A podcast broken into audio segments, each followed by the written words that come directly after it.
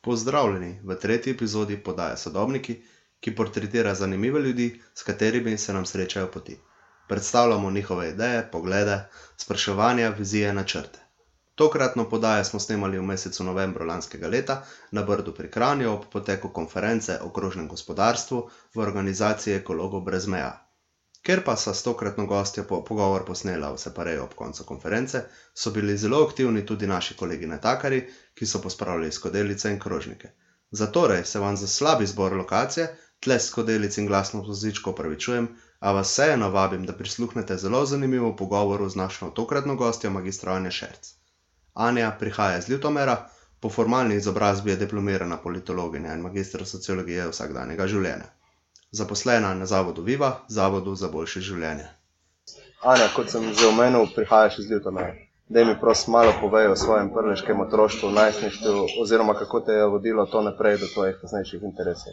Okay, uh, hvala za to priložnost in uh, ta pogovor. Uh, vesela sem, da danes to počnemo v sklopu konference o krožnem gospodarstvu, da se prav zares srečujemo s temi našimi sodobniki na um, dogodkih, ki so nam skupni, oziroma ki pač enake naše skupne cilje. Pa bi zdaj mogoče odgovorila na vprašanje no, o mojem prleškem otroštvu. Moram priznati, da si me kar sprovociral, ko, me, ko smo se pogovarjali o tem, da se bomo pogovarjali tudi o otroštvu, sem mogla kar malo pobrskati in strukturirati svoje misli. Uh, tako da najprej bi začela verjetno s tem, da sem odraščala v veliki družini, v zelo raznoliki družini, uh, kjer smo bili vse, od podjetnikov do javnih uslužbencev, živino zdravnikov, ni da ni. Skratka, recimo za ilustracijo, moja prababica je bila lastnica žage, železniške postaje, gostilne in mesnice, vzgajala sama tri otroke. Tako da se pravi, je neko pestrost. Pestrost, no, ja, ja. bi lahko rekla. Tako da sigurno mi je, so mi redna srečevanja z družino ob skupnih obrokih, ob skupnih praznikih, prinesla to neko, uh, neko umestitev, nek širši kontekst. Se pravi, da sem spoznavala skozi zgodbe ljudi, moje družine, kako raznolik je lahko svet. Ja, ja, pač ja. Znotraj družine se je tudi spoštovalo vsakega za vsako njegovo okupacijo. Tako da ti pripovedovalci družinske zgodovine so mi na nek način dali ta prvi upor. Ja, ja, si dobila že nek mindset, že zelo zgodaj. Ja, maj, širok spektr. V bistvu. Širok spektr, pa tudi v bistvu te, to spoštovanje raznolikosti. Se ja, pravi, ja, ja. Ni, ni važno, da si zdaj ti tem, kar počneš, vem, uspešen smisel tega, kar danes jemljemo kot uspeh. Tako, tako. Finančno, ampak pravzaprav vsak lahko nekaj prispeva k temu, kar kar počnemo. Uh, druga stvar je, da sem imela ogromno časa, sem preživela zunaj takrat. Pri babici, pri dekih, se pravi, vse smo šraufali, nabirali smo pijavke, uh, igrali košarko. Uh, bila sem recimo vem, čistilka v detkovem podjetju, ja, v osnovni šoli, potem sem bila, kaj sem še bila? Bila sem varuška osmim mlajšim uh, bratrancem in sestričnam, um, pekla sem torte z babico. Se pravi, vedno so me vključevali v neke te aktivnosti in mi v bistvu dali zelo širok nabor veščin, znanj skozi praktično delo. In jaz sem se vsega lotila, meni so pač vse naročili. Tega sem se lotila mogoče še to danes me zaznamuje, da se lotim zelo različnih stvari. Uh, da sem na nek način, ko sem se zadnjič probala nekomu opisati, rekla, da bi lahko rekla, da sem fire starter, ne, nisem ja, pa ja, fire ja. keeper. Um, to pa bi mogoče, če bi takrat trajala dlje časa v dvojki, bi mi mogoče šport dal to disciplino, pa ja, ja. pač ni šlo to z mano skupaj. Okay, sem, okay, sem okay. pa poskusila tudi to. No, Tako da to plus po moje branje. No? Moja mama dela v knjižnici in sem dosti časa pač preživela z njo v knjižnici, prebrala vse, kar je bilo možno prebrati. Tako da mislim, da je to bilo neka, se pravi, ja, družina kot neka osnovna celica, s katero sem bila zelo povezana, ki me je spodbujala pri vsem, kar sem počela. Ta velika pestra družina. Ne? Velika pestra družina. Se pravi, nikoli, če se lahko mogoče ne vem. Ko je moj zdajšnji partner prišel prvič k nam na praznovanje eh, Božiča, je rekel, da si mislil, da je to samo film. Moja yeah, babica je kuhala za 16 ljudi. Okay, okay. Se pravi, 16 ljudi se je zbralo, jedlo pri mizi. In bolj manj vsi ti dogodki, ki so bili, yeah. Ja. so bili pač povezani z družino. No, to, to je super. Ja. Uh, bila je pa tudi debata, ne, pri tebi, dost, uh, dost prisotna. Ne, in tudi kot kasnejša mentorica, pa tudi sodnica, si začela delovati tudi z Zavodom za Improv, uh, kjer pa tudi so avtorica večjih del in avtorica. ne. Uh, kaj ti je to debaterstvo prineslo, oziroma kaj si največ potegnila in se nas naučila iz njega? Uh, debata. Uh, sem nehala igrati v bolj, ko sem začela debatirati. Zdaj na zgodbo drugo. ja, Ja, zdaj ne zgodba je druga. Uh, tako da debata je sigurno eden od najbolj uh, obdobij, ki so najbolj zaznamovala moje življenje. Začela sem debatirati v srednji šoli. Uh, takrat, če ni bilo debate v osnovni šoli, ker če ne bi sigurno začela že, zdaj Že je, prej, ja. bi začela že prej. Uh, potegnilo pa mi je to, ne, se pravi, kar mogoče zdaj debatirala v okviru za in proti Zavoda za, za kulturo dialoga. Uh, in mogoče te glavne lekcije življenjske, ki mi jih je debata dala, je bilo prva, ki bi jo mogoče izpostavila, ker danes ni dovolj izpostavljena, je bilo vrednotenje znanja. Se pravi, ko govorimo, ko odpiramo usta, pa vse prevečkrat danes v javnem diskurzu in vse posod Pa imamo to, je, z- pa to je zdaj še bolj prisotno, kot 15 let nazaj. se tako, tako. In to je, se pravi, da ko govoriš, moraš vedeti tudi, kaj govoriš. Ja, ja, In dalo mi je to, se pravi, ta krok ljudi, v katerem smo takrat delali, se pravi, tam ni bleferstva. Pravi, če ho, lahko je, na določenih ravneh je vedno lahko Ja, ja, ja. bleferstvo. Lahko jo odneseš tudi pač do določene mere, brez vsebine, z dobrim stilom, tako. ampak uh, pač ta formalna debata ne dopušča dosti prostora za bleferstvo. Um, to je prva stvar. Uh, Recimo, mogoče ne vem, ta čisto ilustracija enega znanja, ki sem bila v svetovni ekipi, v srednjošolski svetovni ekipi leta 2000, smo recimo začeli brati v multinacionalkah. Ok. Multinacionalke, Madonna, kaj je to. Uh, in edina knjiga, ki smo jo takrat dobili, je naročila takratna šefica Bojana Skrb v knjižnici na Poljani. In to je bila edina knjižnica, kjer si dobil knjigo o Še ni bilo Amazona. Ja. Sploh ni bilo Amazona, multinacionalke niso imeli nek pojem, s katerim Ja, ja. smo se takrat sploh še soočali. In je v bistvu bilo to. Ne. Potem smo debatirali, ne vem, pravice istospolnih usmerjenih. Leta ne vem, 2000. Ja. Se pravi, nekaj, kar danes v javnem diskurzu, ne vem, ob tem sramotnem referendumu. Ker tudi debata še vedno ni na nekem spodobnem nivoju. Tako, sploh ni na spodobnem Ja. nivoju, medtem ko recimo formalna debata o tej temi se več ne debatira. Aha. Zaradi tega, ker uh, predvideva, da bodo argumenti, ki jih boš uporabil v debati, Ja. Lahko oziroma so nujno diskriminatorni, če želiš zastopati stališče, da istospolni partnerji nimajo pravice do ok, poroke. ok. Se pravi, o tem ne debatiramo, zaradi tega, ker bi s tem prisilili eno stran, Ja, ja, da ja. debatira diskriminatorne argumente. Ja. In se pravi, to ni več topik. A, ok, To sploh več ni tematika, ki bi se dovolilo debatirati. Ja. Ne? Pri nas pa recimo zdaj ob tem javnem, javnih polemikah, ki sploh niso javne polemike, ampak so samo Ja. Sramotno nerazumevanje in sovraštvo do neznanega. Uh, to v nekem racionalnem diskurzu nima več prostora. Ja. Ne? In to je recimo nekaj, kar me je debata naučila. Druga stvar je zmožnost, ja, ja, zmožnost javnega nastopanja. Zdaj, v tistih najstniških letih je mogoče to še bolj očitno, ne? ko si najstnik, se soočaš s možnimi kompleksi, travmami ne vem kaj še vse. Ti da to v bistvu neko platformo, da začneš govoriti, da Ja. si pač sploh upaš zastopati Možnost svoje kilometrine, ne. Tako, dati možnost kilometrine. Drugo je, da zelo sem bila uh, srečna, da sem lahko z debato zelo dosti potovala. Mm.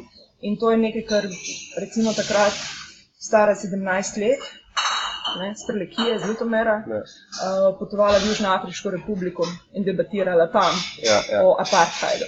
ne. Se pravi, to je neka izkušnja, ki je drugače ne moreš dobiti. Ni variante. Ni ja. variante. Ne? In to sem zelo srečna, da je takrat tudi vem, moja mama uh, poskrbela za to, da sem lahko šla. Mhm. Da je- so me spodbujali, moja profesorica angleščine, da lahko grem. Ne? In to se mi zdi, da je potovanje, pa spoznavanje kulture skozi to znanje, o katerem sem prej govorila, ja. Je nekaj, kar. To da človeku ogromno širino, no. Pa razumevanje tudi potem takih debat, kot so zdaj o beguncih in tako naprej. Tako, tako, zato, ker Pač ti vidiš malo dlje. vidiš malo dlje, vidiš lahko stvar iz drugih, iz različnih perspektiv. Ja. Uh, na koncu pa še vedno ti da pa tudi orodje, s katerim ocenjuješ argumente. Se pravi, ne ocenjuješ predsodkov, ne ocenjuješ uh, nekega blefiranja, ampak ocenjuješ pač, kaj je dejansko argument, ki, uh, ki ti zdrži oziroma ki Ja. se ne zdrži. Uh, drugo je, mislim, potem je še sigurno so ljudje, ki so se nabrali okoli debate. Uh, zdaj, So v bistvu se še vedno zdaj ekipa, ne, Ja. ne sama ekipa. Ne. še, vedno, še vedno smo ekipa, moj partner je z debate, moji najbližji prijatelji so z debate, uh, direktorica Bojana Skrt je še vedno na pol moja mama, ne, oziroma pač zdaj so sicer malo stike izgubili, ampak to je ena skupnost razmišljujočih ljudi. In Tako. se mi zdi, da je to redka vrsta uh, dan danes. Uh, Takšno skupino je tako, tako težko najti. Ja, ja, in to načrtno jo gradi, ne? debata Ja. kot orodje načrtno gradi razmišljanje. In to me je vedno fasciniralo pri debati. Se pravi, dobivamo se zato, da bomo izostrili svoje razmišljanje. Ja. Ne? Seveda smo se dobili tudi zato, da smo žurali, pa zato, da smo se imeli. Okay, samo vse je bilo sekundarno. V bistvu, Vse je bilo sekundarno temu, podrejeno temu. ne, In, um, to, in potem so v naši skupini ljudi v Pekingu, v Katarju, v Johannesburgu. ne, in To so te žepi pameti, nekje raztreseni naokoli, ki pač vedno ki se potem vedno znova raztresejo še bolj naokoli. Tako. In, se, Ja. in se tresemo in ta mreža, potem pač, ne vem, ključna mogoče lekcija, da pač ni absolutnih resnic. Uh, zdaj, ko med tem družbenim spon radikalizmom po celotni Evropi, ki zastopajo zelo radikalne resnice, uh, se mi zdi, da debata te ravno od tega pelje. Ne? Se pravi, ni absolutnih resnic. Ne obstajajo absolutne resnice. Imamo vrednote in norme, ki se jih kot družba držimo, nimamo pa absolutnih resnic. Se pravi, vsem se lahko pogovarjam in vsem se Ja, moramo ja, ja. pogovarjati. Uh, in to je nekaj, kar pač poskušam čim bolj tudi v vse, kar počnem. Okoli debate, kar sem kadarkoli počela, se ta načela vse posod držijo. Ja. Se pravi, vse posod so koristne, vse posod so aplikabilne. Tako da se mi zdi, jaz priporočila debato vsakemu, Ja, vedno, že ja. od nekdaj. Itak. Um, tako da, ja, ja, krasna stvar je debata. No? In, uh, je dobro urodje, če se ga uporablja odgovorno. Tako. Se pravi, se strinjam, da debata, ker je mogoče eden od pomislekov okoli debate, da preveč spodbuja tekmovalnost. Uh, Ja, sem ne, vem, a je to v Evropi isto, kot je naprimer v Ameriki, ker je pač to že normalni competition. No, Ja, je, je tudi competition, Ja, ampak ja. se mi zdi, če ga uporabljaš pametno in odgovorno kot orodje Ja. in gradiš okoli tega skupnost, ki ni ima zgolj vrednot tekmovalnosti, Tako. Potem je to lahko, pač potem je to koristno. Tako, ne? je to pozitiven učinek, Tako, je to ne. pozitiven učinek. In zdaj ta skupnost okoli za in proti zavodu za kulturo dialoga mislim, da se prav načrtno to dela. Zaradi vodstva, ki ga je imela Bojana, zaradi ljudi, ki so zdaj te oči vrsteni. Fundamenti so bili postavljeni ful kvalitetno. Tako, tako. Um, tako da to mogoče kaj še. Na Bežigradu sem učila debate, v najbolj uh, tekmovalni šoli. Ja, ja, ja. Tega se ta in tudi znotraj tistega, tisto, ko se učiš ne, drug od drugega, ko sprejmeš to, da se drug od drugega učiš, da te mulci Learning učijo, by learning, Learning ja. by learning, ne, in to je res um, bilo briljantno. In Še vedno ostajamo v stikih s temi ljudmi, uh, so zdaj uspešni, mladi, veseli, zadovoljni posamezniki, ne, ki smo. In Ne, uporabljajo znanje verjetno naprej, ne, koliko Ja. se ga tiče. Že prej so bili, ja, že prej so bili pametni, že prej so bili sposobni, že prej so bili vse to, kar Ja. recimo moramo odkljukati. Zdaj pa ne vem, upam, da jim je debata dala tudi to, da pač to znanje zdaj uporabljajo tudi bolj odgovorno. Ja, ja, tako. E, super. Kot so že omenila, ti deluješ zdaj v Zavodu Viva, ne, ki je kot nekakšen most med nevladnim sektorjem, civilno sfero in gospodarstvom. Sama se pa tudi že dalj časa ukvarjaš z nevladnim sektorjem. Naletel sem naprimer na tvojo analizo iz leta 2009, kjer si analizirala opetost nevladnega sektorja v to mrežo izvajalcev javnih storitev za Republiko Slovenijo. Kakšno je po tvojem mnenju to stanje nevladnikov, pa predvsem, če gledamo pridobivanje sredstev, tako državnih razpisov, donacij, namenskih sredstev, kar itak pol vpliva na profesional- profesionalizacijo. Če to naprimer primerjamo z državami kot so Nemčija, ZDA, kjer so NVO-ji, bom rekel, glih tako enakovreden steber družbe, kar pri nas še niso, oziroma verjetno počasi dobivajo to vrednost. Ne. Moja neka ocena bi bila, da nevladne organizacije v različnih družbah upravljajo zelo različne vloge. Se pravi, odvisno od tega, od stroja države, prav zares in od sistema, v katerem delujemo, je potem tudi odvisno, kako se nevladni sektor pozicionira znotraj odnosa, recimo gospodarstvo, država, civilna družba. Uh, ne vem, recimo ob odcepu Jugoslavije, ob odcepu od Jugoslavije, je recimo civilna družba odigrala zelo aktivistično vlogo. Ja, ja. Se pravi, so bili tu korektiv države na področju nekega političnega aktivizma, spodbujanja uh, neke, uh, zavesti državniške. Medtem ko če gledamo ta premik uh, in ta moja analiza, ki se ti iz leta 2009, ki smo delali v okviru Ja. Centra nevladnih organizacij CNVOS-a, Slovenije, ja. CNVOS-a, uh, je pa prav zares tam vidno, da je civilna družba oziroma nevladne organizacije igrajo neko dopolnilno vlogo države blaginje. Ja. Se pravi, so outsourcanje nekih storitev, ki jih država bodi si ne zmore tako učinkovito upraviti, kot jih lahko nevladne organizacije, oziroma jih ne želi, oziroma jih lahko stroškovno bolj učinkovito Ja, ja, ja. upravi nevladne organizacije. Ne, in potem je šlo recimo od tega, od tega aktivističnega naboja nevladnega sektorja do, zdaj, do takrat nekega korektiva države blaginje, do danes pravzaprav uh, tega produktivnega sektorja, kjer se na nevladni sektor tudi pojavlja in se postavlja dosti zahtev, zahtev uh, dosti pričakovanj, da bodo pomagali tudi pri trenutni gospodarski krizi. In, in s spreminjanjem časa se je spreminjala tudi vloga nevladnih Tako, organizacij, tako da ni neke univerzalne vloge nevladnih organizacij. Zdaj, eh, s primeri Nemčije pa ZDA, recimo, uh, ZDA kot ena pač kot kapitalistična država, zelo uh, os, oska slim state, Ja, small ja, ja, ja. Small state, pač mala, small government. Small ja. government, v bistvu. Ne? Se pravi, tam se seveda dosti stvari prenaša tudi na civilno družbo. Ne? Se pravi, so pričakuje, Ker je tudi cost effective. Tako, ker je cost Ja, ja. effective, ker pač lahko to brez nekih velikih pričakovanj in obveznosti dela, se pravi, enkrat delaš, enkrat ne delaš. Pa tudi podjetja razumejo, da pač nekaj treba dati nazaj v so, lo, lokalno Skupnost. o, okolje. Tako, Tako, ja. če že nimamo davkov, bomo pa pač podprli Tako, ja. tako, visoki davki, bomo pa podprli nevladne organizacije.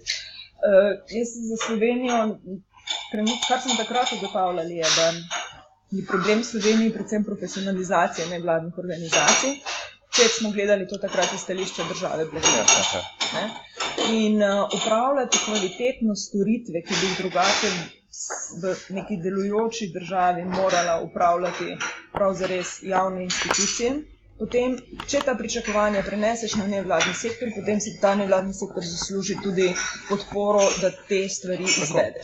Temu primerna sredstva, Tako. pa podpora. Ja. Tako podpora in tu ne govorimo. Ne? In ena glavnih stvari je bila, kar smo takrat hoteli tudi sprovocirati diskusijo, je o dolgoročnosti. Um, Dolgoročni podpori nevladnim organizacijam. Se pravi, ne dajati razpisov, a pokletno, ne vemo, koliko bo sredstev, a bodo sredstva, a ne bodo sredstva. Zaradi tega, ker potem, tako kot v gospodarstvu, recimo, tudi potem ne moreš ti planirati. Ja, ja, se, se, se to je problem, ker iz leta v leto ne, pa čakaš nova javna dela, pa se spremeni razpis, Tako. pa nimaš nekih, nekih kako bi rekel, dolgoročnih ciljev, ne moreš delati, ker imaš vedno nove sodelavce. Imamo recimo finančno perspektivo 2014-2020, Ja. uh, kateri so vsebinski cilji, ne, ne bova zdaj mogoče problematizirala glede vsebinskih ciljev, ker imaš vsi jasno postavljene vsebinske cilje, hkrati pa nimaš mehanizmov, s katerimi uh, bi lahko te vsebinske cilje apli, Podporo, ne. aplicirali. Ja, ja, ja. In nevladne organizacije, zdaj, ko zamujamo z implementacijo te nove finančne perspektive, trpi. trpijo, životarijo, si ne postavljajo ciljev. In potem se mi zdi, da je tudi dokaj logičen odgovor, ki ga dosti krat slišimo. Ne? Nevladne organizacije se samo zanašajo na eh, sredstva države, niso agilne, niso ne vem kaj. Ampak to je njihova vloga. Njihova vloga je, če govorimo o njih kot nekem kolektivu države blaginje, potem je njihova vloga ni biti na trgu. Ja, itak. So lahko delno na trgu, ampak če to Samo to je po prepustimo mojem trgu, tudi ne- nerazumevanje, ker nevladniki niso enako kot ke- keglaško društvo, ampak so dejansko more biti še en četrti stebr Tako. družbe v Tako, celoti. tako. Sej tudi keglaško društvo mora biti, Je, seveda, ja. kvaliteta življenja. Tako, tako. Ampak Ampak je pa druga stvar, če ti moraš skrbeti za um, odvisnike in ti delaš strategijo ne vem, pomoči odvisnikom v, uh, v, v, za, za, na nacionalni in, ravni. in veš, da jih je več, sem sredstvo, pa nimaš ti za dodatne. Za, ljudi. za dodatne ljudi, ne zato, da bi si načrtoval dvoletno strategijo, Tako. kamoli eno leto. Ja, petletno strategijo, recimo, kar bi bilo smiselno stališče. Konsistence si ne moreš zagotoviti. Ne. Ja. In potem, seveda, je zelo lahko kazati, potem je pa najlažje kazati na prst, s Ja. prstom pač na nevladne organizacije, gledajte jih šalabajzerje, ki si ne vejo postavljati ciljev. Ne? Moramo se vprašati, ali gre za zmožnost postavljati cilje ali pač nekotenje postavljanja Ja. ciljev. In glede na izkušnje z ljudmi iz nevladnega sektorja, ki jih pač jaz do zdaj imam, ne, nikoli ne bi rekla, da je, pač to, ne, da je to pač le- lenuharjenje, sanjarjenje, malo mogoče tudi, ampak to pač spada k To spada vsak posel, iskreno povedano. tako. Ja. Vsak posel to ima. In zdaj, jaz upam, da se bodo pač tu časi spremenili. Zdaj je trenutno um, Ministrstvo za javno upravo pripravlja strategijo razvoja vladnih organizacij. Um, in upam, da tu pač se, bo to, se, te, se bodo ti problemi identificirali In vzeli v zakup. Ja, Ja, ja. ja. Tako da toliko mogoče o, tem sektorju. Ja.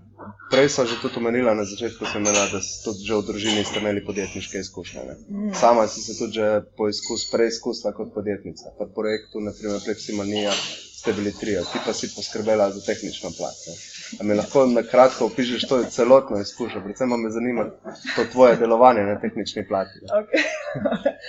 Uh, okay. Na hitro, z enim stavkom to pomeni, da sem žgala pleksi na fotrovem laserskem okay. stroju. ne. Dolga zgodba pa je to, da se v razno razne projekte vedno spravim preko ljudi, ki so mi blizu, ki, Ja, ja. pač, ki se trenutno znajdejo po spletu razno raznih okoliščin v mojem življenju. In kaj je naneslo, da smo enkrat pri tem uh, sanjarjenju, pa ne, pa pač iskanju nekih uh, projektov, prijateljstv, prijateljsko-poslovnih projektov, uh, delali popis, mapirali naše kompetence okay. zmožnosti in potem pač, m, ker recimo moj oče, ne, a, pri njem sem bila vse od tega, da sem št- študentske napotnice izpolnjevala, do tega, da sem razvijala fotke, do tega, da sem kopirala, od- oddajala kombije. Si delala tudi na CNC. Sem delala tudi na tem, no in potem ugotovimo, da mi ta stroj imamo, in ugotovimo, da moj prijatelj, ki je drugače po izobrazbi grafični oblikovalec, um, v bistvu um, pač mu je pleksi najljubši material, na katerem želi delati, in imamo njegovo sestro, ki je, je arhitektka in je zelo blizu dizajna. Ja, ja. In vse to, se pravi, smo na nek način pomapirali naše kompetence in um, pač uh, vire, s katerimi lahko delujemo. In smo začeli s prvo serijo, se pravi, naredimo Ja. si nakit za sebe. Itak, ja. Uh, zakaj ne bi imeli pa mi unikatnega nakita, ki ga lahko pač um, vsak nosi? Ne? In smo s kolegi testirali. Mm, jaz sem vmes ugotovila, da dizajner nisem, ne? vseh stvari, ki mogoče sem dizajner nisem, sem si naredila enega groznega zelenega laboda na 6 mm pleksi plošče. Uh, tisto še vedno je kot opomin nekje na to, da pač I'm mogoče. not a designer. I'm not ja. a designer, ja. Um, uh, še ve, oni pa še vedno nadaljujeta to zgodbo. A, ok. Uh, nam je potem v enem trenutku pač crknila mašina uh, in sem jaz, jaz sem dobila novo službo, začela sem z zavodom Diva, uh, kar je pomenilo, da ko sem šla domov, nisem več htela pač čepeti za tisti senci mašine, ampak sem hotela pač biti svojo družino. Tako da so našli drugega podizvajalca, uh, in pač šibajo naprej. A, super, ja. so, so krasni, ne. Uh, krasni nakiti, moj še vedno so pač moj najljubši nakit pleksimanija ne, in pač se posod tudi promoviram. Um, tako da oni pa še to, kar delata. Pomembna lekcija tega našega podjetniškega podviga je bila, da pač vsakič, ko se spravljaš delati nek posel, je fajn imeti nekoga, ki tudi številke spremlja. Ne. A, ok. Se pravi, manj kot tam ali podjetnik, reč slash računovodja. Finančni cash, s cash flowom smo imeli probleme. Samo smo toliko znižali produkcijske stroške in stroške dela, da pač um, Pač jih ne upoštevaš, ne? ne upoštevaš.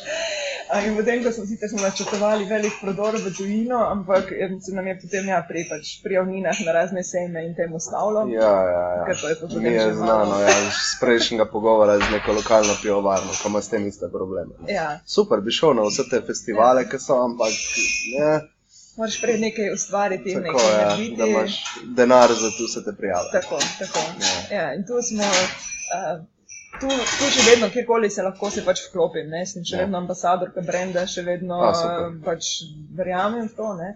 Ampak ja, pač, ni, ni več šlo. No, moja Prioritete so se ti zamenjale. spremenile in, pač, in mašina je crknila. Pravo, pravočasno je Ja, crknila. ja, no. ja, tako, tako. Ok, da pa malo bolj podrobno o zavodu Viva, ki smo ga Ok. že večkrat uh, omenili. ne. Vodilo zavoda je dvigovanje kakovosti bivanja oziroma kakovosti življenja. Je pa predvsem gre za sodelovanje večjih različnih sektorjev za dose dosego teh ciljev. Ne. Kako je naprimer, prišlo do tvojega tega sodelovanja, Mhm. pa z zavodom Viva, ki želi graditi ta most med uh, civilno sfero in podjetništvom, pa kaj me predvsem zanima, je skozi kakšne pa katere projekte delujete. Mhm, okej. Da prijete na dvig te kvalitete bivanja. življenja. Ja, tako. Uh, moja zgodba se je začela leta, zavod, sodelovanje z Zavodom Viva se je začelo avgusta 2012 uh, in sicer čisto, rečemo, ne vem, po nekem spletu okoliščin, me je en kolega vprašal, če bi, bila, pač, eh, če bi me zanimalo delo na enem projektu, ki pa je bilo osredotočeno takrat na dvig transparentnosti javnega življenja v Sloveniji. Aha. Uh, tisti projekt se takrat potem sicer ni realiziral, ampak jaz sem dobila priložnost, da glede na obstoječo usmeritev Zavoda Viva, se pravi dvig kvalitete mm. življenja v Sloveniji, najdem neko priložnost za sebe in za pač razvoj te dejavnosti. Um, Zavod je ustanovil leta 2012 Sandi Češko Mhm. z zelo jasno ambicijo tudi uh, povezati, oziroma z neko vizijo že tega povezovanja na trikotniku država, Mhm. civilna družba, gospodarstvo. Se pravi, takrat smo imeli neko izhodišče ustanovitelja, uh, imeli smo vsebinsko usmeritev, ki je dvig kvalitete življenja vsakega posameznika, zdaj pa znotraj tega je pa možnosti neskončno. Tako seveda. je. Pa poti, kako Po bereš poti, to. kako to narediš. ne. Mm, Je pa, bi pa mogoče jaz izpostavila, da, da ta osnovna, se pravi, ta čezsektorsko delovanje je bilo od samega začetka kot prioriteta tudi postavljeno. Ja, ja. Se pravi, zaradi tega, ker je on tudi svojimi, se pravi, svojo mrežo, ki jo je prinašal kot na nek način socialni kapital Zavoda Viva, uh, lahko, smo lahko začeli iz tega izhodišča. Zato, ker je deloval v vseh treh sektorjih, ker smo imeli mrežo vseh treh Ja, že sektorjih. vedno me je deloval, no, on tudi sam in, Tudi sam, in, ja. in studio moderno. Tako in, tako. in on je v bistvu to prinesel, to, to na nek način tudi izjemen vložek bil v vse, kar smo začeli. Uh, in zdaj, takrat sem se jaz pač lotila popisa nekih kompetenc in znanj, ki obstajajo znotraj tega korporativnega sveta Studio Moderna, Uh -huh. znotraj Vive kot medija, ki je sestrska organizacija Zavoda Viva.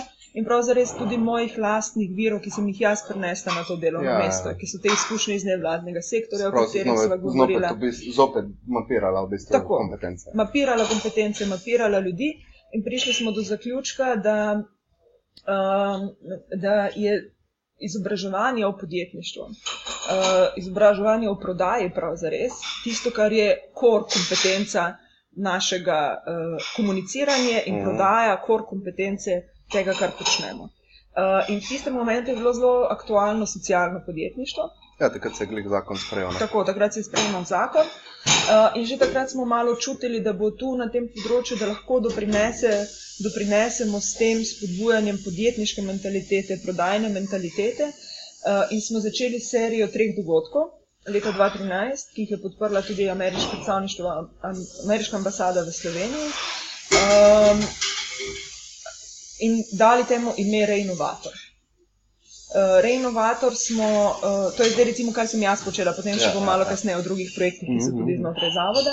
Reinovator, ker se je pa tudi zelo govorilo o inovacijah. Vedno se je govorilo o inovacijah, inovacije, inovacije, inovacije.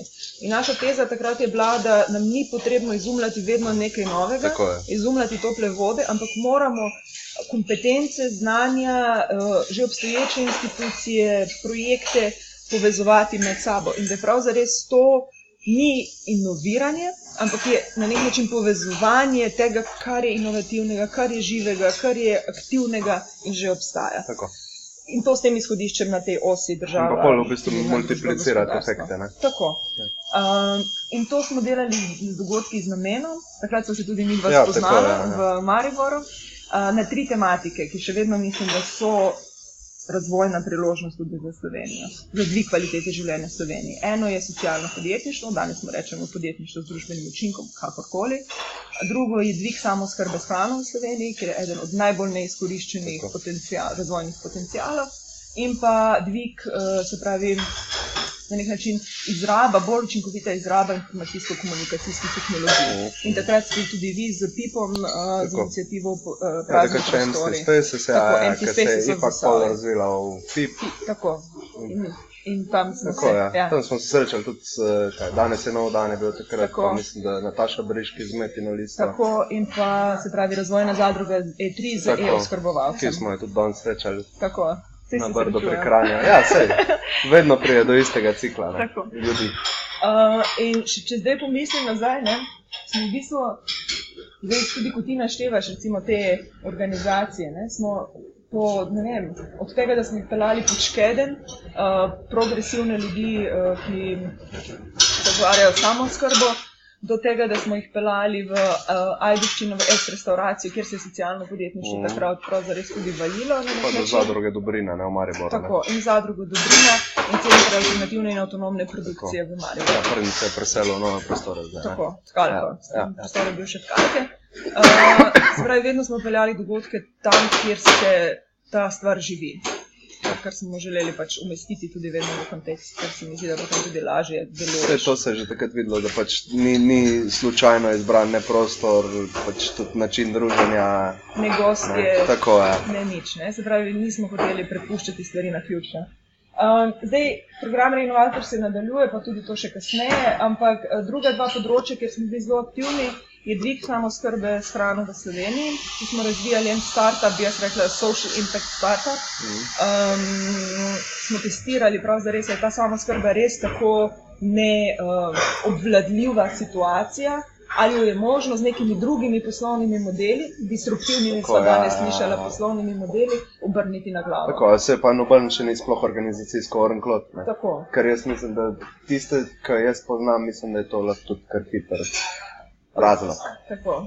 In tu smo šli na uh, dostavo hrane v podjetja v urbanih okoljih, pravi, kjer kmetje neposredno pripeljejo to, kar pridelajo uh, zaposlenim, se pravi večjim skupinam potrošnikov v urbano okolje, preko spletne aplikacije, nakupovalne naročiš. uh, Kmet pripravi, ti pripelje na, na dom tvoje, pač na, na, ne na tvoj, dobro, ja, sorry, na tvoj dom, Ja, ja, danes, ampak na službeno mesto, ne. Na službeno mesto. Uh, in, um, in to smo potem počeli, tudi relativno uspešno, bi rekla.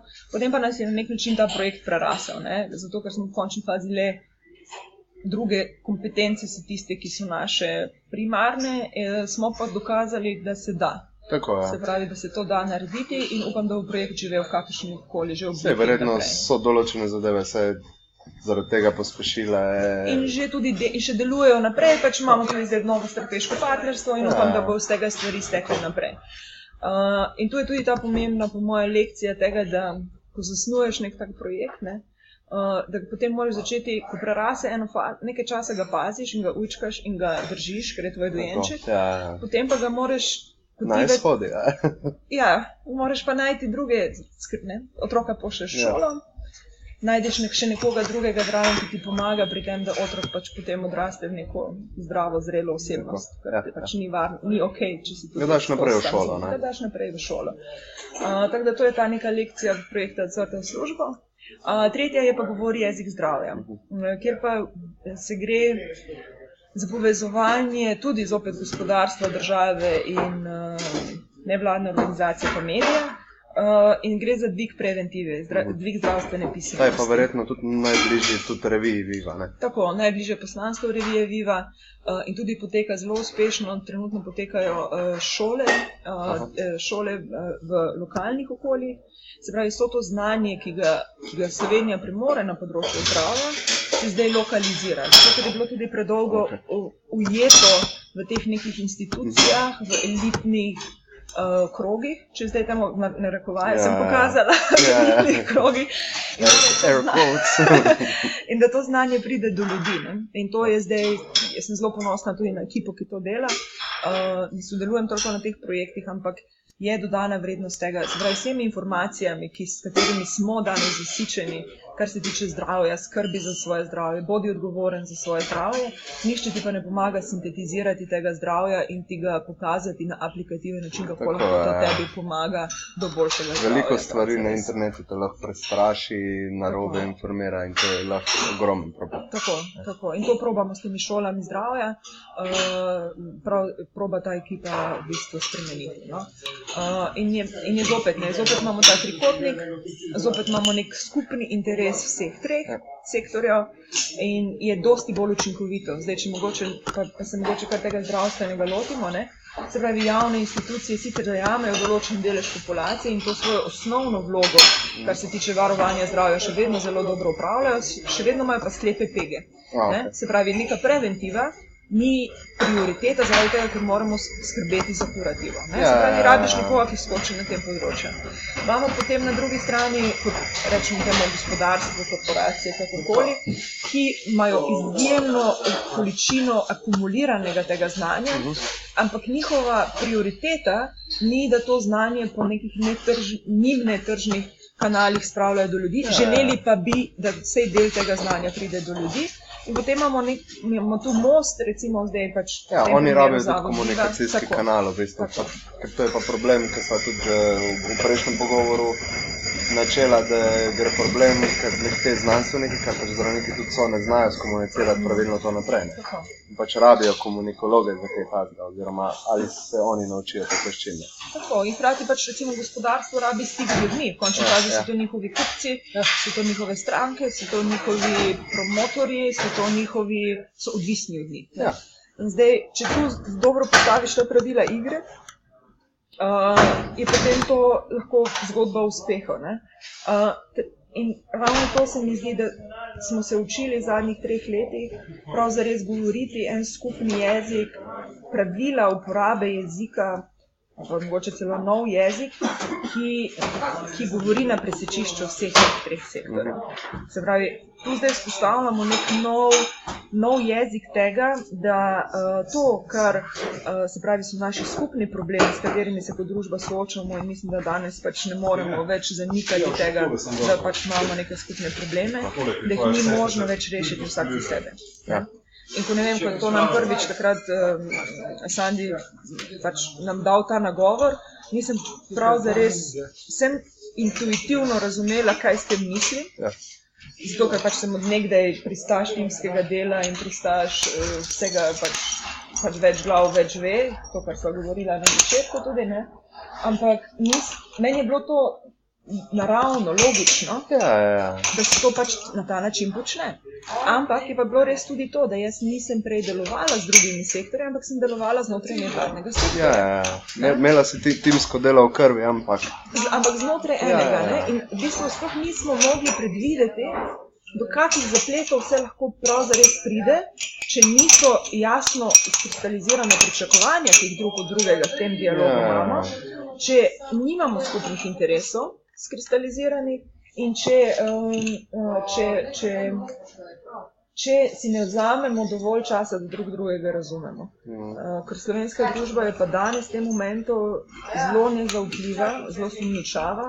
Um, nevladne organizacije bodo tožile, da je vso gospodarstvo pokvarjeno, uh, civilna dru mislim, uh, gospodarstvo bo reklo, da so leni. Um, potem imamo še tu državo, ki itak pač nič več ne dela. Ne? In potem smo v tem zosu, kjer smo. Ne? Zato je, zato je zdaj nujno začeti postavljati neke skupne cilje, ja.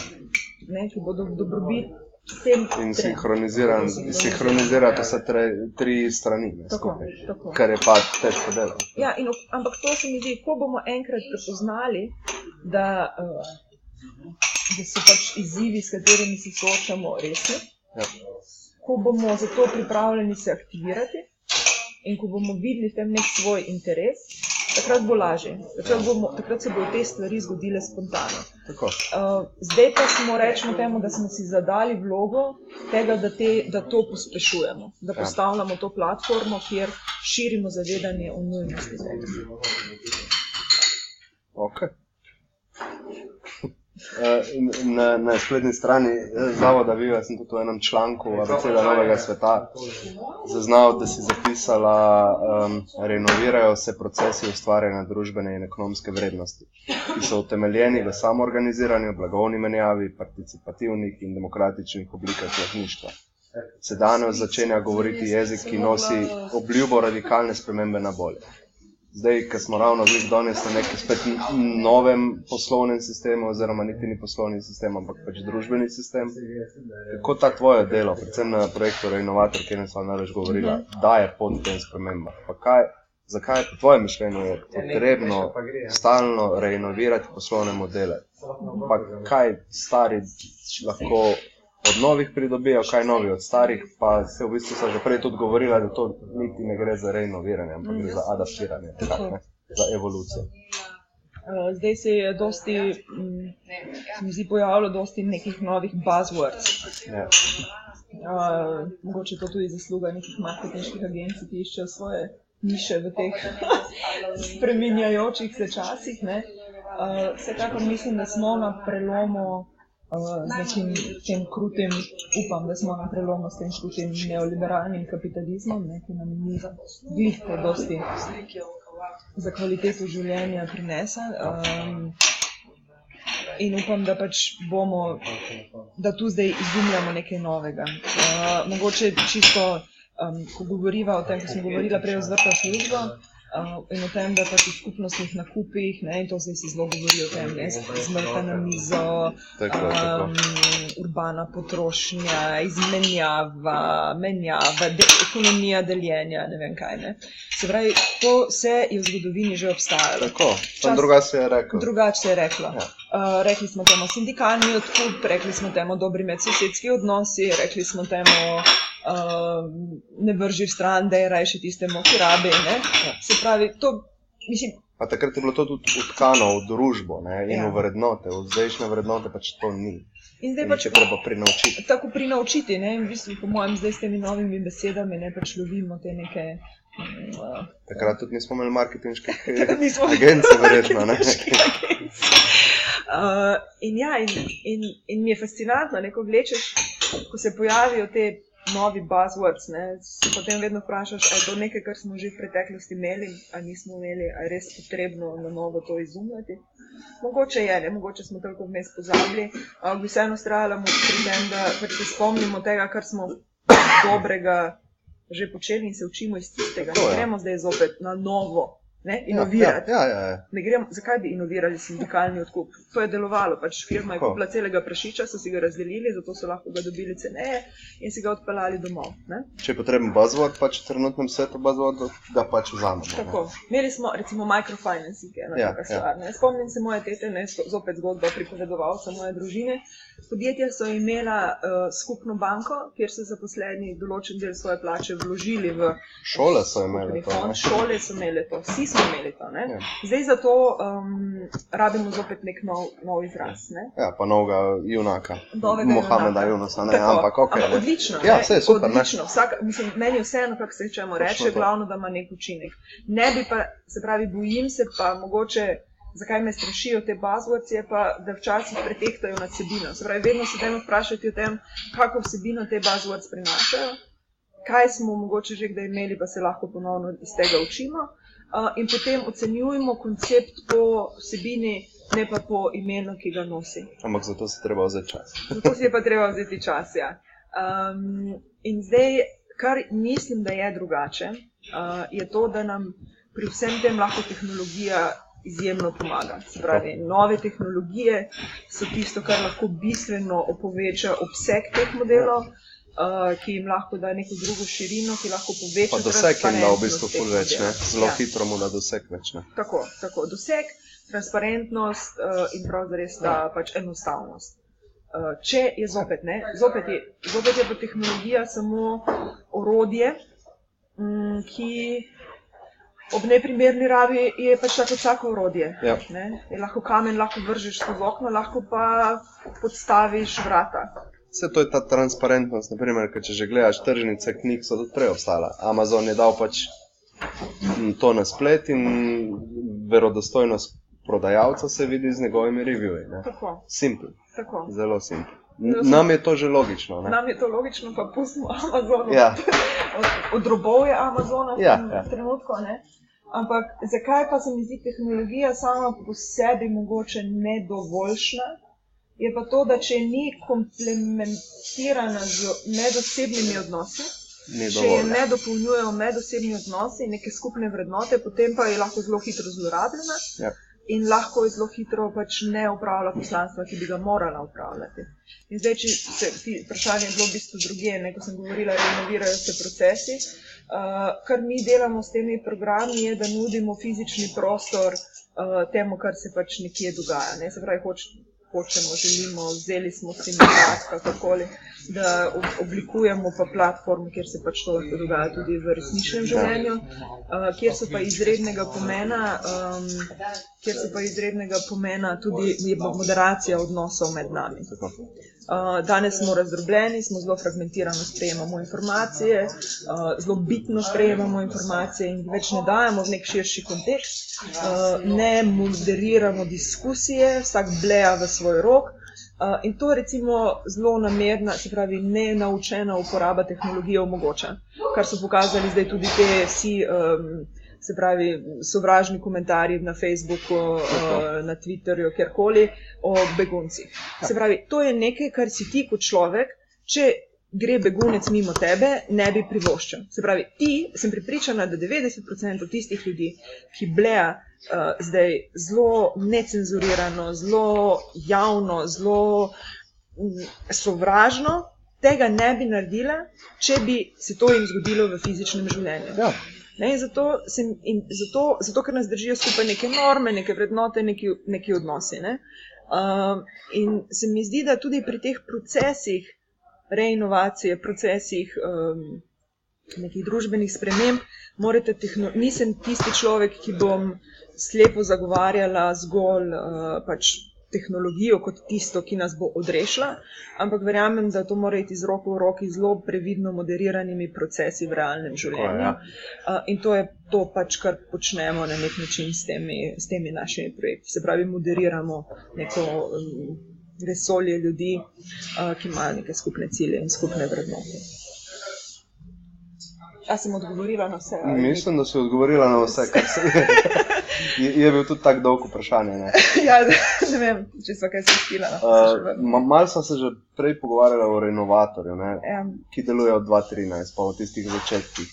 Uh, Kako pa spremljate, naprimer, uh, še te organizacije, ki so od 2013 pa naprej začele delovati, pa so se pol rekel ločile od tega? Pa kako izgleda zdaj eh, renovatorka na akademija v letu 2016, naprimer? koga upleta? Ne? Tako. Uh, mm, zdaj, jaz bi si želela, zato ker je v teh procesih ta follow-up izrednega pomena. Jaz bi si želela, da bi imeli še dosti več uh, priložnosti, možnosti, kapacitet, da bi te ekipe, ki so začele, s katerimi smo začeli v 2013, lahko še bolj natančno spremljali. Uh, zdaj, če se bo odprla nova finančna perspektiva tudi za te stvari, uh, upam, da bomo tudi tu našli svoj prostor pod soncem. Um, ampak uh, spremljamo jih pravzaprav preko osebnih stikov. dosti. Se pravi, to so ljudje, se, s katerimi se tako se zdaj mi dva pač srečujeva in potem naredimo nek follow-up. Uh, vabimo, organiziramo dogodke, na katere vedno povabimo vse, ki smo jih kadarkoli gostili, uh, in potem skozi pogovor. Načrtno te strategije, žal, bom rekla, še nimamo. Ni moč izvesti. Ni moč, pač ob trenutnih kapacitetah žal ne. Ja, ja. Uh, se pa zavedam, da bi to bilo nujno, da bi lahko ocenjevali neke dolgoročne učinke.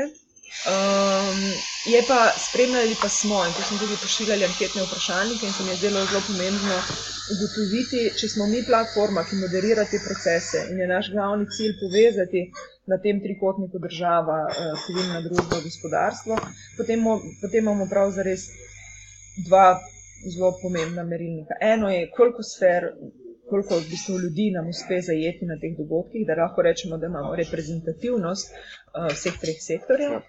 Uh, potem druga stvar je govoriti o tem, koliko partnerstv se je sklenilo med temi, ki so sodelovali na naših dogodkih. In tega smo imeli kar, uh, se pravi, po poročanju, pa poročanja niso bila uh, še tako profesionalizirana, kot bi mogla biti, smo imeli kar uspeh. Se pravi, je ena od glavnih dodanih vrednosti ta. Potem pa spremljamo tudi poslovni uspeh, se pravi, uh, kasneje. No, to pač In pa, in pa preko, preko pač Facebooka, državno. Normalno, ja. Postajamo pleteni ne? in tu se mi zdi tudi fino, ja, pač kar, kar so dobre vsebine, kar pač delamo, kdo od nas, ki smo jih kadarkoli imeli vključene, uh, pač probaš čim bolj vključiti v svoje delovanje, se učiti od drugih uh, in to početi pač na na princip menjave, ne na princip jemanja. Ja, ja. Uh, in to je, po mojem, zdaj pač tisto tudi prvo vprašanje, ne, ta moja družina. Ne, pač, ja, pač deluješ po procesu menjave, menjuješ tisto, kar je dobro, deliš, kar je slabo, si poskušaš pomagati. Um, je pa treba dati v to red in strukturo. No, to, pa, to, pa, to pa vsekakor. Zdaj, po tistih prvih treh dogodkih, ko smo jedli piškote pod kozovcem, pa zelje in pečenice v Centru alternativne in avtonomne produkcije, se je izkristaliziralo po tisti treh seriji dogodkov, da še ne govorimo istega jezika. Mm, Da ta jezik je po eni strani bil pri civilni družbi takrat, pa prav, se strinjam, da je tudi prav tako zelo jezik vrednot, zelo jezik tega, kar bi moralo biti. Medtem ko je jezik gospodarstva, kaj je in kaj še bo. Ja. Pa bolj čisto jezik številk. tudi, ne? Jezik številk uh, in jezik pač javnih institucij, uh, tudi je pa nekje na presečišču med tem. Tako je, rekli. med obema. Med obema ja. uh, in mi, ker smo pač izhajamo iz tega, imamo to neko korporativno zaledje, podjetniško, gospodarsko zaledje, um, smo v bistvu ugotovili, da je našo, kar mi lahko prinesemo v ta del, Mhm. uh, je to, to znanje Tako uh, ki, se ga, je- ki se ga je takrat tudi rabilo. Dosti se je tudi ljudi upiralo temu znanju, ker je pač iz tega, kar smo prej govorili, Tako, iz vrednot, ja. organizacij, iz vrednot. Ja. Se pravi, mi ne rabimo prodajali tega ne znanja, bomo, mi ne ne. bomo prodajali. Ja. Uh, in mi se že te, pač to se ne. To je znanje, ki ga ne potrebujemo. To je za biznis, To je ja. tako, to je za biznis. ne. Uh, ja, ampak potem pač. Preživeti pa tudi moraš, ne? Saj, Potem se pa ne ide biznisa, če Ja, ja, ne misliš se tega, to, ja. tega pogovarjati. Se Lahko, tu, tu ne, dosti potem ne, nikoli ne moreš profesionalizirati zadeve. Ne? Tako. In zdaj, uh, takrat se je potem naslednje leto, smo naredili leta 2014, 13, 13 smo že naredili prvi reinovator izziv, ko smo iskali najpodjetniške ideje za reševanje družbenih izzivov. Uh, in to se je začelo pač z razglasi- javnim razpisom, tekmovanjem. ta, ta, Ja, ta. se spomnim. ne. Tako, to je bilo prvo leto. Um, tisto smo razglasili in je bilo to. to. Uh, začeli smo s tem, pač, um, da smo imeli en javni, rečemo, tečaj javnega nastopanja, tečaj pičanja smo imeli takrat. Uh, in potem smo to nadgradili v letu 2014 z 16-urno podjetniško Mhm. akademijo. Smo jim že takrat rekli, in takrat se nam je tudi pridružila javna agencija Spirit Aha, okay. pri soorganizaciji. Uh, in ugotovili smo, da je 16 ur še vedno premalo. Smo letos naredili pa tudi zopet s organizacijo Spiritom, uh, v bistvu 45-urno akademijo, Mhm. uh, ki jo dopolnjujejo individualna mentorstva za vključena podjetja. Uh, in smo to delali vedno, že od samega začetka. Je sicer Zavod Viva bil nek nosilec in zdaj Spirit kot soorganizator, ampak smo vedno vključevali obstoječi know-how na tem področju. Se pravi, vedno smo hoteli ljudi iz prakse, vedno smo hoteli partnerje, ki delijo naše vrednote, uh, vedno smo hoteli partnerje, ki so pravzaprav res pripravljeni vzeti čas za to, da svoje znanje, izkušnje, kanale Podelijo naprej. podelijo naprej ja. v imenu tega nekega uh, skupnega cilja, skupnega interesa, ki je rečemo temu trajnostni razvoj, rečemo temu trajnostni razvoj Slovenije. Ne. Uh, in tu, se delu, tu smo več kot srečni, pač, da sodelujemo z playerji, kot so uh, Steklarna Hrastnik, uh, Pošta Slovenije, potem uh, sodelujemo s Punktom letos. Uh, BB Consulting. Consulting, s- eh, sodelujemo z SIDom, podjetniško mrežo, z NLB-jem, z Linejo Direkto, um, ekonomsko fakulteto, dnevnikovim projektom Gazele, podjetjem Donar, VBG, Design Studio. Zametki dejanske poslovne, poslovne akademije. Ne? Tako, zametki Ja. poslovne akademije, reč, tega še ne upam na glas niti reči. Um, in, uh, in so to, uh, ja, pač dueri, ki so profesionalci na svojem področju, ki so vrhunski strokovnjaki na svojem področju uh, in ki, pač, ki vidijo, da je pač svet, kot smo ga poznali do zdaj, ne obstaja več in da se treba prilagoditi. Tako. In da to ni zdaj samo to, da bomo učili, rečemo temu disruptive players, tako Ja, ja, so ja, danes ja, ja, slišali tako. to sintagmo, ne? neki uh, inovativne posamezniki, ki šele prihajajo na trg, kot so pri nas te inicijative, rečemo social impact startups. Pa, š- pa mi je žal, da uporabljam toliko angliških besed, ampak mi je hitreje pridejo v glavo Še ni naših buzzwordov. še ni naših buzzwordov, uh, da to prepoznavajo vrednost v tej trajnosti tudi veliki playerji. Zato, ker jim to postaja poslovna nujnost, zaradi tega, ker bodo razvojna sredstva usmerjena v zasledovanje teh vrednot in da se, moramo, da se tudi oni morajo začeti učiti tega in da zopet do tega prenosa. Pa lahko pride zelo hitro. Enkrat so rekli, pa to je zdaj mogoče malo bogokletno, ampak da so, mi so socialni podjetniki najcenejši inovacijski oddelek velikih korporacij. Ja, hej. Ja, Ja. Ne, se učijo novih odnosov s potrošniki, novega načina komuniciranja, novega načina hitrega testiranja svojih produktov in storitev. Uh, Medtem ko pa lahko, to je zdaj pa kaj je prenos med novim in starim, uh, na, dru, na nek način pa lahko te, uh, če so pametni, te inicijative, ki prihajajo, odnese ogromno znanja o financah, o delovanju na trgu, o prodaji, o menedžeriranju, o produkciji, o širjenju na trgu, vsemu, ne. dizajnu. Zdaj samo vprašanje, a se zavedajo to proti koncu nekega programa, ki ga imajo financirana, ali to že v začetku, ne? ampak pustimo te detajle. Ne? Naša naloga je spodbuditi to, Tako. da se pravi, mi kot dobri, mislim, če bomo svojo vlogo odigrali dobro, bodo ob koncu tega procesa oboji vedeli, da so se drug od drugega ogromno naučili. Tako, ja. Ne? In da ne gre nadaljevati z vzorci nerealnih pričakovanj, nezaupanja, eh, nekooperativnosti, Ja. neaktivnosti, in da, in da jim pač ta akademija daje prostor, kjer se lahko izjemno, se pravi, kjer lahko drug od drugega dobijo iz- neprecenljive informacije. Uh, in upam, da bo to, se pravi, da, da se iztečejo stvari tako, kot se mora. Zaenkrat kaže odlično, Super, ja. uh, zelo smo zadovoljni na eni in na drugi strani. Uh, vedno bo nek odstotek nezadovoljstva, bom rekla, tudi tu nočem biti preveč idealistična, uh, prevečkrat se potem ne, pač sanjačka, ampak moraš pa malo sanjati, no, da, lej, da to skompletiramo. Da to Moraš skomplet- delati, spe, moraš delati spaceship, tudi če pol rata kaj manjšega, ampak ja, ne. ja, ja, moraš gledati spaceship. Ja. Hey, keep up the good, the good work. Ne. E, no, vse eden podobnih projektov, kjer se pač vse te sfere med, sabo, med seboj povezuje, pa tudi pilotni projekt, uh, gradimo za savski ekosistem uh, prihodnosti, ne, katerega partnerji tudi Zavod Viva, pa ne kabinet predsednika republike, inovativni razvojni inštitut, Punkt, trajnostni park Istra. Uh, Tlele smo še zapisali, da kako po dveh forumih, ne, zdaj je bil nedolgo nazaj že tretji forum. Kako ti vidiš, predvsem kot bom rekel, outsider, kaj glede na stanje z- za Savja, ne, kot ne za Savka, čeprav si po informiranosti že za Savka, kako, Ženjena za save. tako je, ja, bolj veš kot za to- tvoj zasavc, ne, določene zadeve. Eh, Kako ti vidiš pač eh, pripravljenost eh, vseh deležnikov za sodelovanje, oziroma kakšno je, vse v razumevanju sektorja smo že govorili, Ja, ampak ja, ne. ja. Um, zdaj, vsaka izkušnja, vsak projekt, ki se ga lotimo, je edinstvena izkušnja. Ne?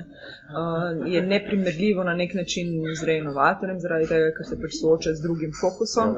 Se pravi, če reinovator gradi neko podjetniško skupnost in je fokus tega podjetniška skupnost uh, s trajnostnimi vrednotami, Je družbena je skupnost, potem celotna, celotna, skupnost, se pravi, je tu fokus, kako zgraditi zaupanje, povezovanje, sodelovanje, spodbuditi, pospešiti. Bom rekla zopet ne, zato ker že obstaja, ne moremo si pač reči, da Ja, to ja, ne ja, obstaja. ja. Obstaja, vse to že obstaja, ampak pospešiti v neko smer, neko skupno smer, nek skupni cilj. Ne? In to delati na nivoju lokalne skupnosti, ki je verjetno najpomembnejša skupnost, v kateri živimo, zaradi tega, ker definira kvaliteto bivanja, življenja na vseh ravneh. Uh, in zato smo se takrat, ko to je bilo v bistvu na povabilo kabineta predsednika vlade v sklopu koordinacijske skupine za Zasavje, um, z veseljem tudi mi odzvali, ker studio Moderna je tudi iz Zasavja in takrat sem dobila mandat od ustanovitelja, da tudi pristopimo. Uh, dodatni bonus je bil, ko sem spoznala, da bo na drugi strani moja uh, sodelavka Tadeja Bučar iz Punkta, ki smo se spoznali pač tudi ja, v Mariboru. Um, in so se nam zopet pač nekje čudovito prekrižale poti in sem z veseljem zagrizla. Vedno pridejo cikli. Ne? Cikli, tako. Ja.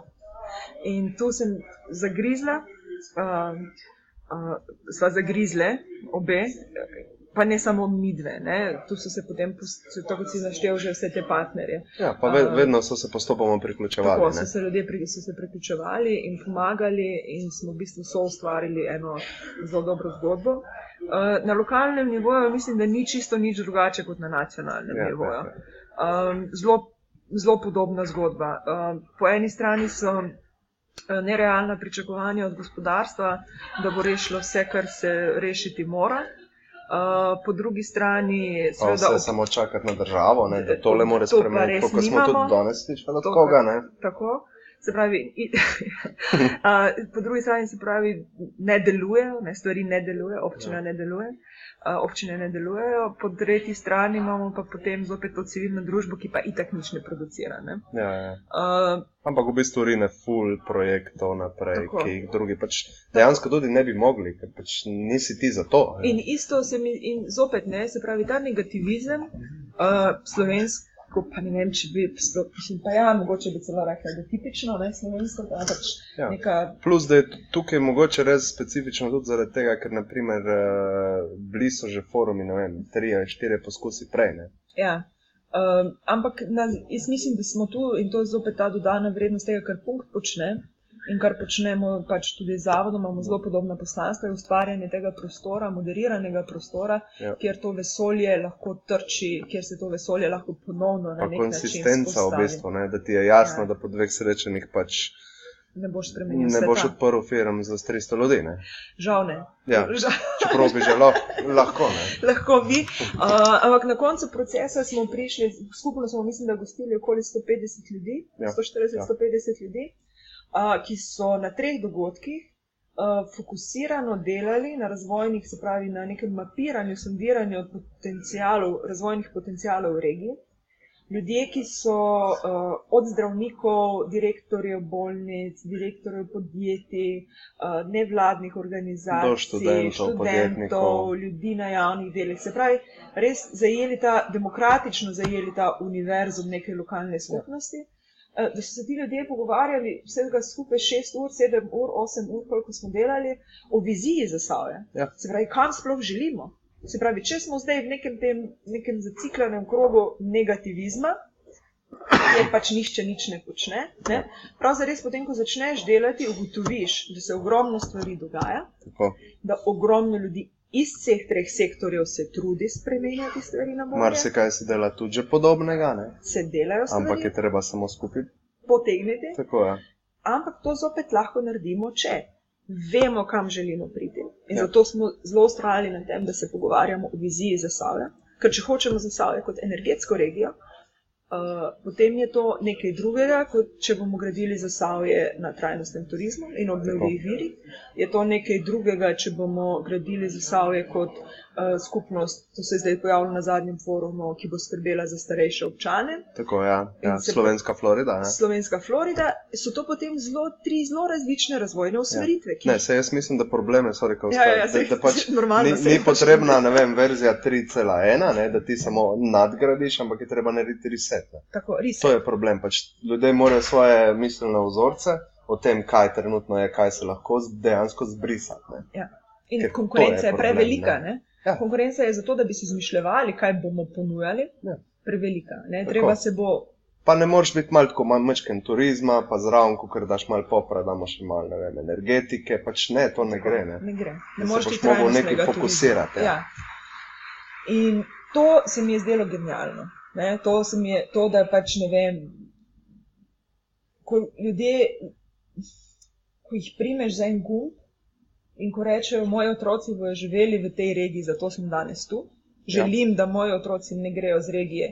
Zato sem, čeprav sem, to zdaj govorim recimo za mojega tasta, mm -hmm. uh, se pravi, jaz želim, da se moj otrok vrne v regijo, mi dva živiva v Ljubljani, Zato sem danes tu, zato ker verjamem, da lahko pač svojim znanjem, svojimi izkušnjami prispevam k neki skupni prihodnosti. Ja. Ne? In to je ta reset. Ja. Uh, in jaz sem še imela v skupini, moderirati to. Uh, ampak, glavne so se pač ljudje znašli tam in to delali. Um, Sej, ko, gre, ko greš tu če- čez oseben cilj, zakaj si ti ja, tam? Ne? ja, in moraš ga imeti. Se Pravi, to je ta interes. Tam so bili ljudje, ki so bili pripravljeni delati, in ljudje, ki so imeli nek skupni cilj. Ja. In uh, zdaj smo pomapirali, imamo pet akcijskih skupin, uh, prazni prostori, uh, zdravje, uh, podjetništvo z družbenim učinkom, uh, mapiranje tehnoloških kompetenc in obnovljivih virov, Ker ga bomo pa še zapisali v zapiskih dodatnega. Ne? Tako Sej, je celotna danes eh, delovna skupina prazni prostor je bila na konferenci. Tako, Tako. da. Zato, ker so prazni prostori, so del krožnega gospodarstva, tako. so neizkoriščen vir krožnega gospodarstva v Zasavju, če gledamo, ne, če bi In prazni mapirali. prostori pač so tudi faktor, zakaj ne gradimo novih, če že imamo prazne, kjer jim lahko damo življenje. Ne? Tako in damo dodano vrednost. To seveda pomeni, da se moraš malo potruditi, da moraš malo razmisliti, Ja.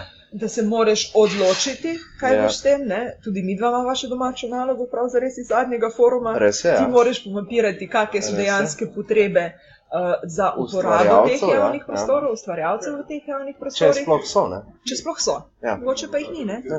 Uh, in potem lahko zaključimo tudi te neskončne zgodbe Tako je. o tem, da imamo Če, prazne rab, če rabijo samo prostor za pisarno, je, je, je praznik teh praznih prostorov čez dovolj in ne rabimo sploh ostalih popisati. ne. Tako. Potem pa lahko prodamo RTH Ja. in lahko prodamo vse prazne prostore, ki jih RTH ima. Ja. In, je zaklu, in je zgodba Če zaključena. ne rabimo sploh, ja. Če- lahko porušimo. Ne? Tako. Ampak predtem pa mislim, da smo si še dolžni poskus, kako Točno lahko v teh, v teh praznih prostorih začenjamo ustvarjati dodano vrednost. In tu bi mogoče še tudi javno še enkrat omenila eh, zavezo županov, ki so bili Ja. na tistem forumu, da so pripravljeni regijsko pristopiti k temu, da se da nek javni razpis za te ustvarjalce ki, in da so pripravljeni pripraviti te prostore za, to, za priložnostno rabo. Ja, ja. Uh, in da je pripravljen k temu pristopiti prav zares tudi RTH. Mi bomo pa že ustvarjalce že prpeljali, sej ne obstajajo samo ustvarjalci za. Tako. Ustvarjalci so zelo fleksibilna bitja v primerjavi z ostalimi in če je pač prostor, ki je poceni, pač obstaja pač idealna industrijska dediščina, ki jo je za izrab, they will come. No. In tudi to ni, pač tudi ni zopet ni samo stvar Slovenije, ne, ker vi Ne, tudi s ne. punktom, pa z vsem dokazujete, ne, v končni fa in tudi delovski dom v Trbovlah uh, in tudi mladinski centri v regiji to zagotavljajo, da, da, tra- mislim, da ste zelo mednarodno tudi povezani. Ja, pa spekulomarti in tako naprej. Tako. Ne. Sej pač nekdo, ki se ne zaveda ponovadi v lastni regiji, pol si pa vabljen kot pomoč v Ja. druge države, ne, kot primer dobre prakse, doma te pa ne vzame, ampak to je že zdaj čisto nova druga debata. Ne. To bo eno soočenje zorganiziralo. Ja, ja, ja. Pustimo to za drugič. Ja, ampak zdaj smo prišli do konca tega procesa in imamo, se pravi, imamo mapirane projekte Ja. uh, z področja trajnostnega razvoja. Osre- os- Osredotočali smo se pa na trajnostni razvoj in smo tudi ciljno vabili tiste predstavnike projektov, ki se pač prispevajo k trajnostnemu razvoju. Imamo vizijo tega, kaj za savcem trajnostni razvoj, imamo artikulirano, kaj za savcem trajnostni razvoj pomeni in imamo ustanovljene akcijske skupine. Zdaj, če mene kot zunanjo opazovalko vem, vprašaš, je to pač crowdsourcing, ne? Mhm. pa zopet uporabiva še en, eno to, eno to Buzzword, ja. buzzword. Uh, je to um, mm, crowdsourcing razvojni program, regionalni Ja, ja, ja. ja. razvojni program. Uh, in mislim, da ga lahko, če bomo primerjali obstoječi regionalni razvojni program in tega, ki smo ga sestavili, mislim, ki se je sestavil v sodelovanju z ljudmi skozi vse tri forume, bomo lahko našli razli zanimivo bi bilo videti, no, kje prihaja do razlik, ka- kakšne so te razlike in ali se dejansko, v katerih točkah se pa ujema. Pa iskreno povedano, to je prvi razvojni načrt, ki je prišel od ljudi, ki delajo. To, ja, ja. Mislim, Ja, si upam reči. No. Ni cenzure. Ja, ni cenzure, tukaj ni cenzure. Okay, ja, super, glej, uh, z veseljem, mislim, se pravim. In mislim, da je to nekaj, kar se lahko prenaša na druge regije. Uh, in da bi lahko na ta način, zato ker če, se, če ljudje čutijo, da lahko prispevajo in da prispevajo in da se njihov prispevek jemlje resno, uh, potem tudi dajo več od sebe. Se jaz mislim osebno, pač iz i- izkušenj, ker delujem v, v nevladnem sektorju že kar nekaj let in pač to je ravno problem, zakaj so mogli biti tudi trije, trije forumi, da je prišlo do zaupanja. Zato, ker pač ljudje do zdaj iz določenih razvojnih ag- agencij itd. so pač vedno dobivali popraševanje, ampak potem ta, te ideje pa mnenja niso bila upoštevana. In ko ti te desetič dobiš, pa tudi če je to čist nekdo nov, pač zaupanje Mm. ne, Ja. ga ni Da več. ni več. In se ne trudiš. Ne? Ja. Zato smo tudi, isto smo, ne, tu s Tadejo sva se recimo zelo strinjali o tem, da je treba uh, dati te osebine ponovno iz prostorov, iz institucionalnih prostorov, se pravi, ne iti v občinsko dvorano delati uh, Tako, ja. ljudskega, ljudskega programa. Ne. Zato smo šli prvič, v Trbovlju smo bili v delovskem domu, potem drugič smo šli v prostore steklarne Ja, Hrastnik, smo v godbeni dom Tako je. v Hrastniku, potem tretjič smo zopet šli v najlepšo dvorano za mene na svetu, stekleno dvorano eh, delovskega doma Z Zagorju. rodniš, rudarskimi mozaiki. Tako ja, z ja, ja. rodarskimi mozaiki in to, so, to, je infra, to je že toliko vrednosti samo v tej zgodovinski Ja. mm, funkciji, ki so jo te domovi upravljali v preteklosti. Se pravi, Tako. če so se prej organizirali knap, tudi pač, dobro, ni tako knapovščina, verjetno delovskih domovih, ampak tudi, se Ampak pravi, tudi, tudi, ja, je ja. bilo to sidrišče tega, kar, uh, kar se je Vse so pevski zbori no, noter in tako naprej. Ne. In ne, to je vem, bilo tudi na prvem forumu omenjeno, ne, Zasavje je v preteklosti že bilo nosilec sprememb Tako. uh, za celo državo, takrat še Ja. Jugoslavijo. Zakaj ne zakaj spet? ne zdaj? Ne? In če primerjam to, recimo, pa to se bo mogoče slišalo grdo ali pa kakorkoli bogokletno do lastne regije, ampak uh, v Zasavju je to še možno delati zelo učinkovito, zaradi tega, ker ste še Zasavci so še jezni. Uh, zelo neda, pred nedavnim se je, se je izgubilo ogromno delovnih mest. Mladi so pač še vedno, še vedno nevladne organizacije upravljate izjemno delo pri aktivaciji Pa mladih. obstaja še neka kritična masa ljudi, se to je tisto. ne. Ja, obstaja kritična masa ljudi. ne. Ja. Medtem ko ne vem, za svojo regijo, pomorje, vprašanje, če bi si upala to trditi. Ja. Uh, ne govorim, da je tam proces ne mogoče izvesti, govorim pa o tem, da ga je to dosti lažje izvesti. Ja. In pokazati, Mogoče učinek. tudi mečken geografsko, pač tu, ker se grdo sliši, mi nimamo Avstrije tako blizu. Ne. Ja. Ali ne vem, no. Ja, to- Mogoče, no, sej ni grih. ne, da, da, da ne bo pomote. Ne. Recimo, Ja, ja, ja. pač v Ljutomeri smo imeli prvi filmski zapis, prvo zadrugo. Ja, pa prva obstaja Grossmanov festival, sej- Grossmanov festival, Ja, groze. pri nam je dejansko to, kar si rekla, tudi učinek stavke nedolg nazaj. Ja, ja. Še drži vas. Tako je, ja, Ta jeza ja. še vas drži. In pač so še določene, sveja, in tudi v vsaki občini se nared, naredil rudnik, no, v bistvu. ne. Tako. In ja, obstaja. Ja. In to je super. Uh, dobro, lej, zdaj pa že o tem malo govorila, uh, zdaj pa eno malo bolj sproščeno temo za na konec. Ne. Sama si že omenila, da rada kopaš. Eh, Magistrirala si tudi z magistrsko nalogo novo političnost prehranskih praks. Sem jo poizkusil malo mal se jo lotiti. ne. Eh, Kako naprimer, eh, pa sva že omenila tudi eh, o, o projektu, ki jih dela Zavod Viva. Eh, Kako gledaš sama na ta trenutek, ki zdaj zopet prihajajo ljudje do pridelovalcev hrane. Pa spet dobivamo nek, eh, nek spoštovanje do hrane, do pridelovalcev, pa nek odnos, deljenje izkušenj, tudi deljenje hrane. Ne. Ob hrani se nasploh in tako skejo neke posebne vezi. Ne.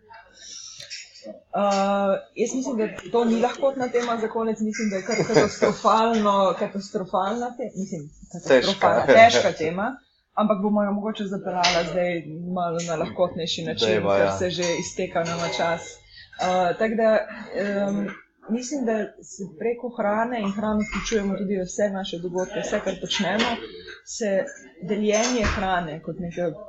Deljenje iste hrane, deljenje Ja, ja. hrane, ki je skupaj pridelana. Tako. Cenjenje hrane, ki jo pridelajo nekdo zraven tebe, um, ti vrača v bistvu zaupanje do ljudi okoli tebe. Se pravi, če delimo to, kar nam je blizu, če delimo to, kar imamo radi, potem lahko ugotovimo, da se da tudi vse zmeniti. Zato smo načrtno, recimo, okoli hrane uh, organizirali dogodke, ker smo bili prepričani, da ko ljudje uživajo hrani, ko se ljudje veselijo življenja, ko se veselijo okusu barvitosti, ki jih hrana prinaša, prav zares se tudi ne morejo skregati. Um, zdaj, um, nalog, pa ne vem, če bi toliko o To je za networkerje za poslušanje.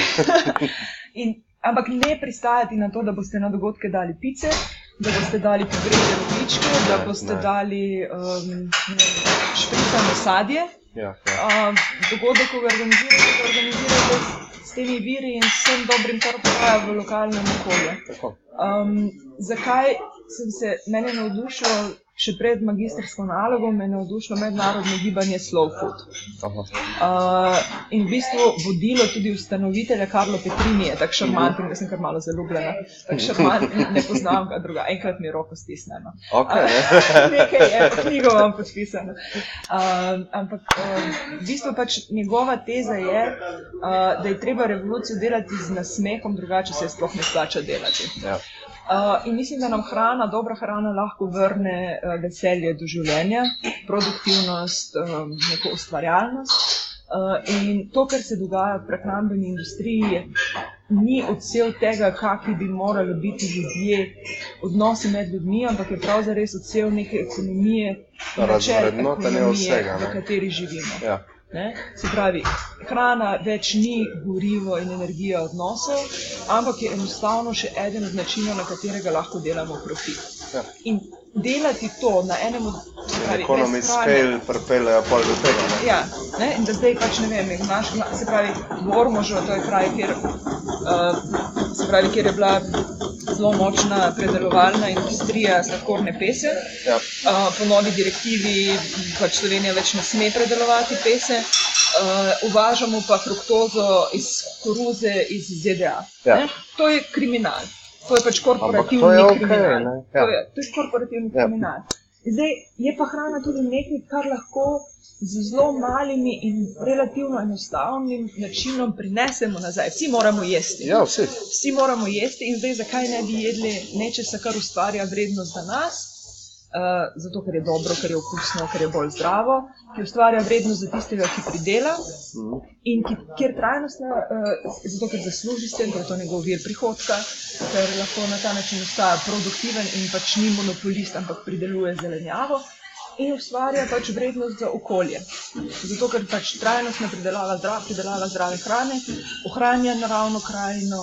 Uh, ohranja neko raznolikost, biotsko, ohranja pravzaprav življenje. Uh, in zato se mi zdi, da je pač enostaven način, na katerega lahko razlagamo funkcijo nekih elementov družbenega življenja, pač naš, skozi naš odnos do hrane. In ko bomo začeli hrane bolj veseliti, uh, hrano bolj ceniti, ceniti bolj Se ljudi, vzeli tudi hrano čas za njo?